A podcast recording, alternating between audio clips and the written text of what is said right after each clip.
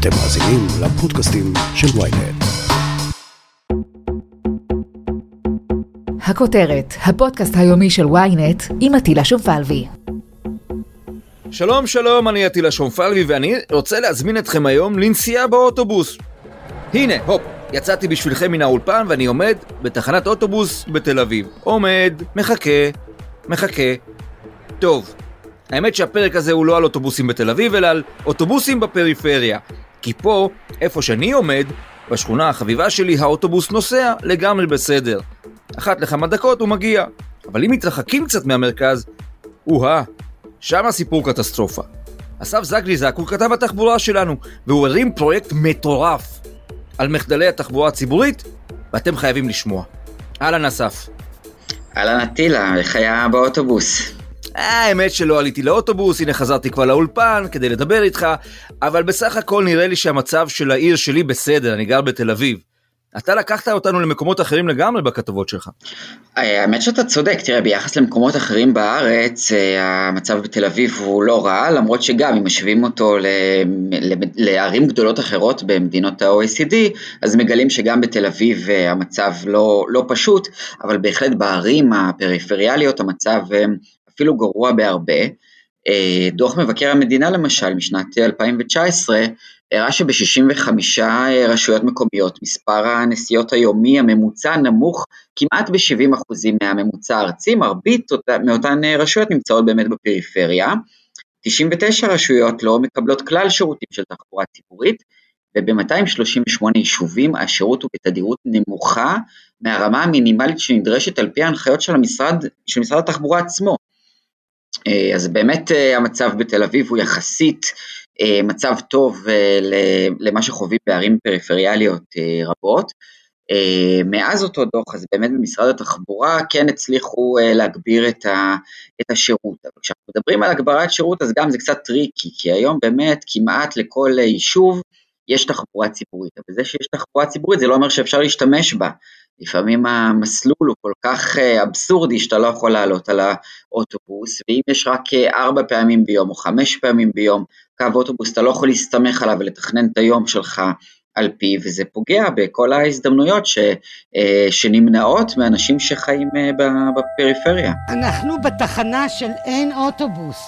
כמו שאתה רואה, ישנה תחנה יחסית במצב תקין, ספסל, צל, נפרץ. שמע, אני קראתי באחת הכתבות שלך על עיר, נדמה לי בנהריה זה היה, שאשכרה בנו תחנת אוטובוס, אבל שכחו להביא את האוטובוס. הגברת שרוצה לנסוע מהשכונה שלה, לעשות קניות, לשחות בבריכה, או לקפוץ למשפחה שלה, היא יכולה לעמוד כל החיים שלה בתחנה, פשוט האוטובוס לא יגיע. מה זה? מי, מי עושה דברים כאלה? זה, זה נפוץ? כן, זה מאוד נפוץ וזה קורה בהרבה מאוד uh, ערי פריפריה, uh, שבאמת uh, שכונות שלמות מנותקות לחלוטין מתחבורה ציבורית, או שיש שם איזשהו שירות כזה שהוא לא מספק. הרי גם ברחוב הזה של, uh, uh, של מילי, אז היא צריכה לצעוד בערך משהו כמו שמונה או תשע דקות עד שהיא יוצאת לכביש הראשי, ומשם היא יכולה באמת לקחת אוטובוס שמקדם אותה אל מרכז, uh, אל מרכז העיר שלה, אל חוף I am. אל, אל כל הצרכים שהיא באמת צריכה.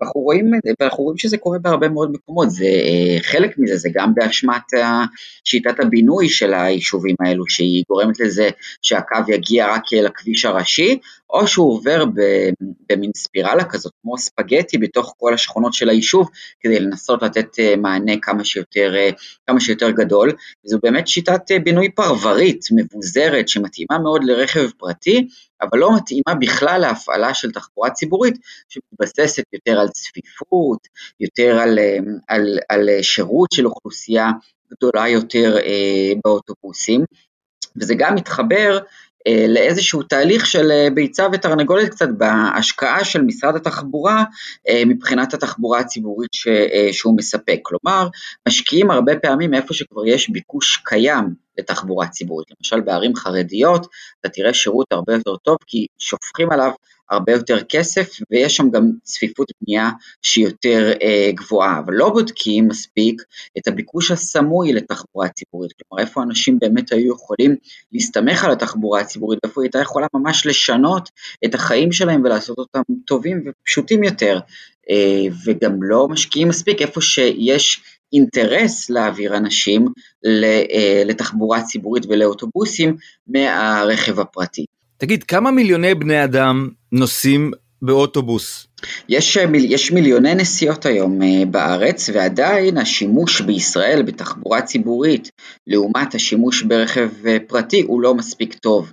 כלומר אם ברחבי העולם מדברים על כך שבה, שבמטרופולינים וגם, וגם בערים הסמוכות אז יהיה פיצול של 60 אחוזים uh, מהנסיעות בתחבורה ציבורית ורק השאר ברכב הפרטי, אז uh, בגוש דן למשל מדובר על משהו כמו 20-25 uh, אחוז שימוש, וגם זה עוד נתון שהוא יחסית טוב למה שאנחנו רואים בפריפריה, כלומר בפריפריה בעצם בגלל שהשירות של התחבורה הציבורית כל כך גרוע, בעצם מה שהמדינה עושה היא דוחקת את האוכלוסייה להחזיק ברכב פרטי, שאנחנו יודעים שהרבה פעמים מדובר באוכלוסייה שאין לה את היכולת באמת להחזיק רכב פרטי ולעמוד אה, בעלויות האלו, ושתחבורה ציבורית טובה ואיכותית יכולה הייתה לספק חלופה טובה יותר שהייתה יכולה להשאיר גם יותר כסף פנוי, נגיד את זה ככה, בשביל להוציא אותו על דברים אחרים שהם באמת חשובים אה, והכרחיים, והיכולת להתנייד ממקום למקום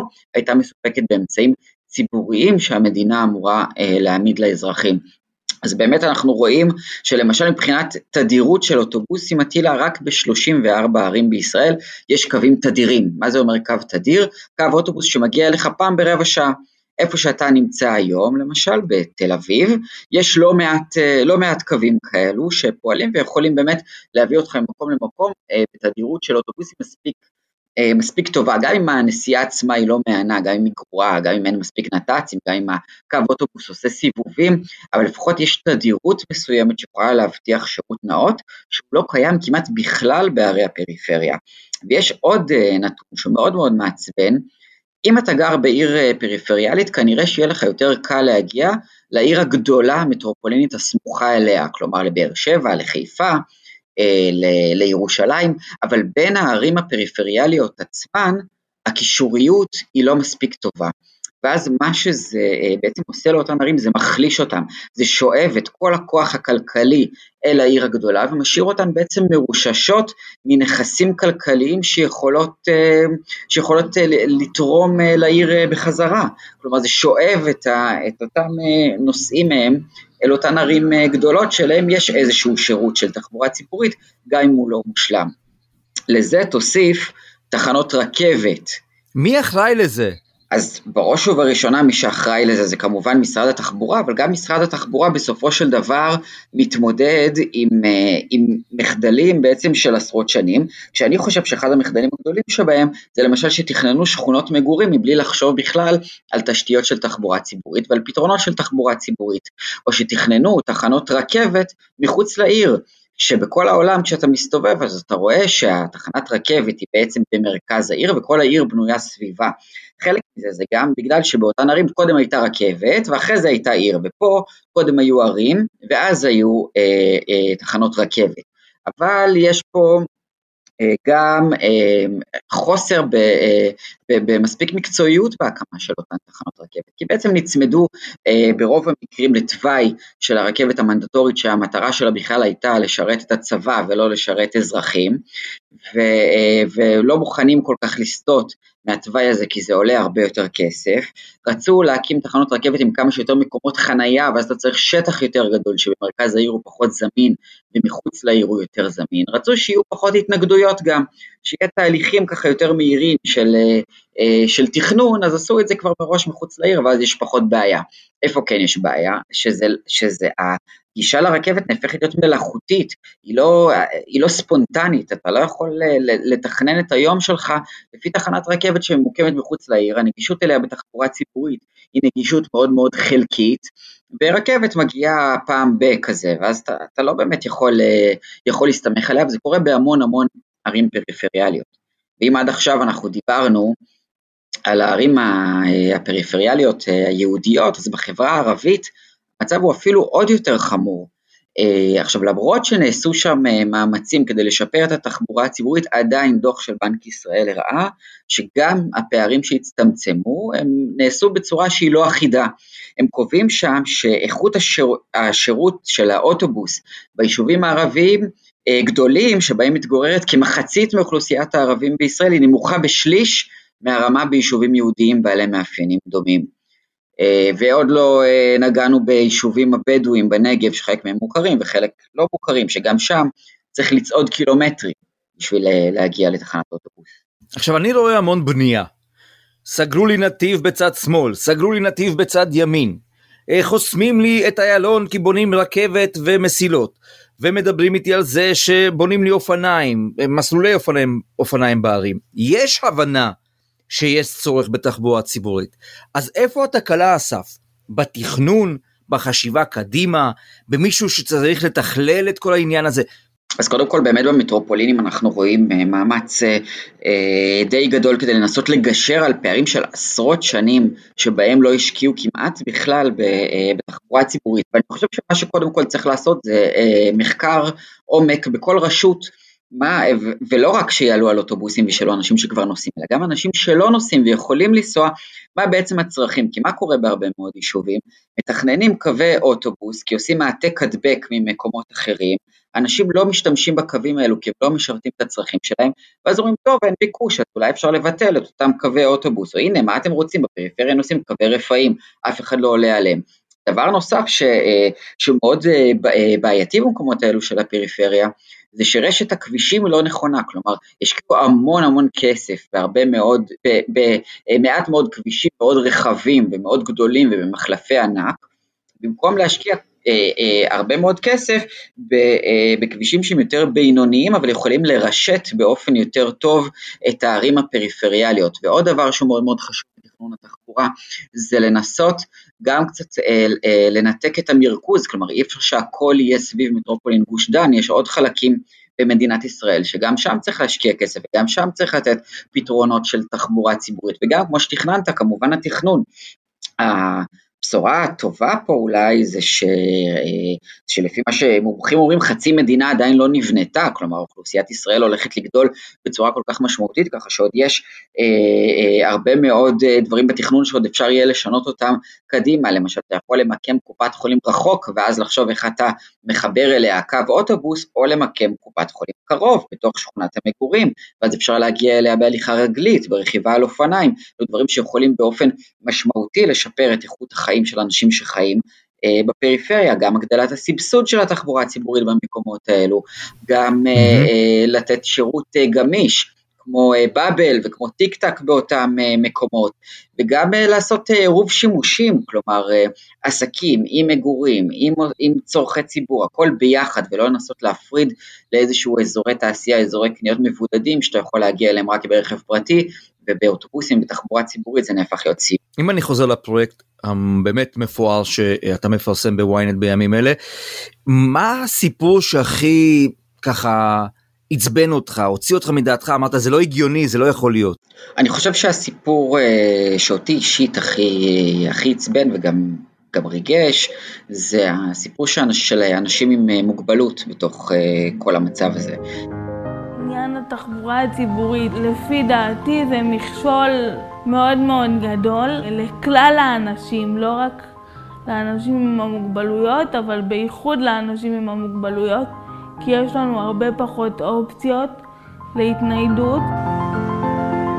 אדוני, אני צריכה להיכנס. האוטובוסים הנגישים הם רק בתוך העיר שאת באמת מדובר באוכלוסייה ששיעור התעסוקה שלה נמוך מדי, אה, ושכל אותם קשיים בתחבורה הציבורית, ובטח בפריפריה, שם הם אפילו אה, חמורים יותר. תחשוב שהאוטובוסים הבין-עירוניים בישראל לא מונגשים. כתוצאה מזה 85 יישובים פשוט מאוד מנותקים לחלוטין מתחבורה ציבורית. הרכבת הרי מונגשת, אבל היא לא מגיעה לכל יישוב. התחבורה הציבורית הבין-עירונית שלא מונגשת לאנשים עם מוגבלות כן מגיעה, ושם פשוט מאוד הם לא יכולים, אה, לא יכולים להשתמש בה. אם אני צריך לרגע לחשוב על ישראל בעוד עשר שנים למשל. האם אני רואה שם ישראל הרבה יותר ציבורית מבחינת התחבורה, או שמא ישראל עדיין פקוקה עם כל אחד תקוע שעות על הכביש? זהו, אז כנראה שאת הפקקים אנחנו לא נצליח לנצח ותמיד יהיו פקקים, השאלה היא באמת אם יהיו אלטרנטיבות שהן מספיק טובות שיכולות לעקוף, אה, לעקוף את הפקקים. אז אנחנו רואים באמת שבגוש דן וגם אה, במטרופולין אה, ירושלים ואולי גם בחיפה נעשים אה, מאמצים כדי לקדם מערכות אה, של הסעת המונים. אה, בפריפריה אנחנו מדברים עד 2031 אמורה להיות המסילה המזרחית, אבל גם שם יש שאלה האם התחנות שלה, של הראשונה יגיעו ליישובים ערביים במדינת ישראל, האם, הם, האם תהיה נגישות טובה של היישובים האלו לאותן תחנות, ושם אנחנו רואים שלא, אנחנו רואים שהתחנות האלה מוקמות מחוץ לערים. שוב, כאילו אם, אם היינו יכולים לחשוב שלמדו מטעויות העבר ועכשיו עובדים קצת אחרת, אז אנחנו רואים שבהרבה מאוד מקרים זה לא קורה אה, בצורה מספיק בולטת. אבל אה, לשאלה שלך יש עוד, אה, עוד כיוון, וזה כיוון באמת של, של תכנון, האם יתכננו את השכונות שיבנו עד אז בצורה שיותר טובה, ושאנחנו רואים באמת שיש שכונות שמתכננים אותן בצורה קצת יותר טובה ויותר מונגשת לתחבורה ציבורית, ומנגד אנחנו רואים שעדיין יש שכונות שמתכננים אותן בתפיסה מאוד מאוד מיושנת, שמשרתו, המשיכו לשרת בעיקר את הרכב הפרטי, שלא לכולם יש אפשרות בכלל להחזיק אותו. אסף זגריזק, עם הפרויקט המרשים, המפואר והמטלטל על התחבורה הציבורית בפריפריה. קראו בוויינט. תודה אסף. תודה רבה.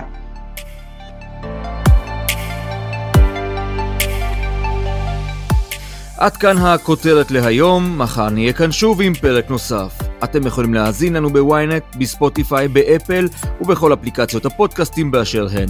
אם יש לכם הערות, בקשות או רעיונות, אתם מוזמנים ליצור קשר באמצעות האימייל podcaststrudelynet.co.il ולפנות אליי ישירות דרך הטוויטר או דרך הפייסבוק.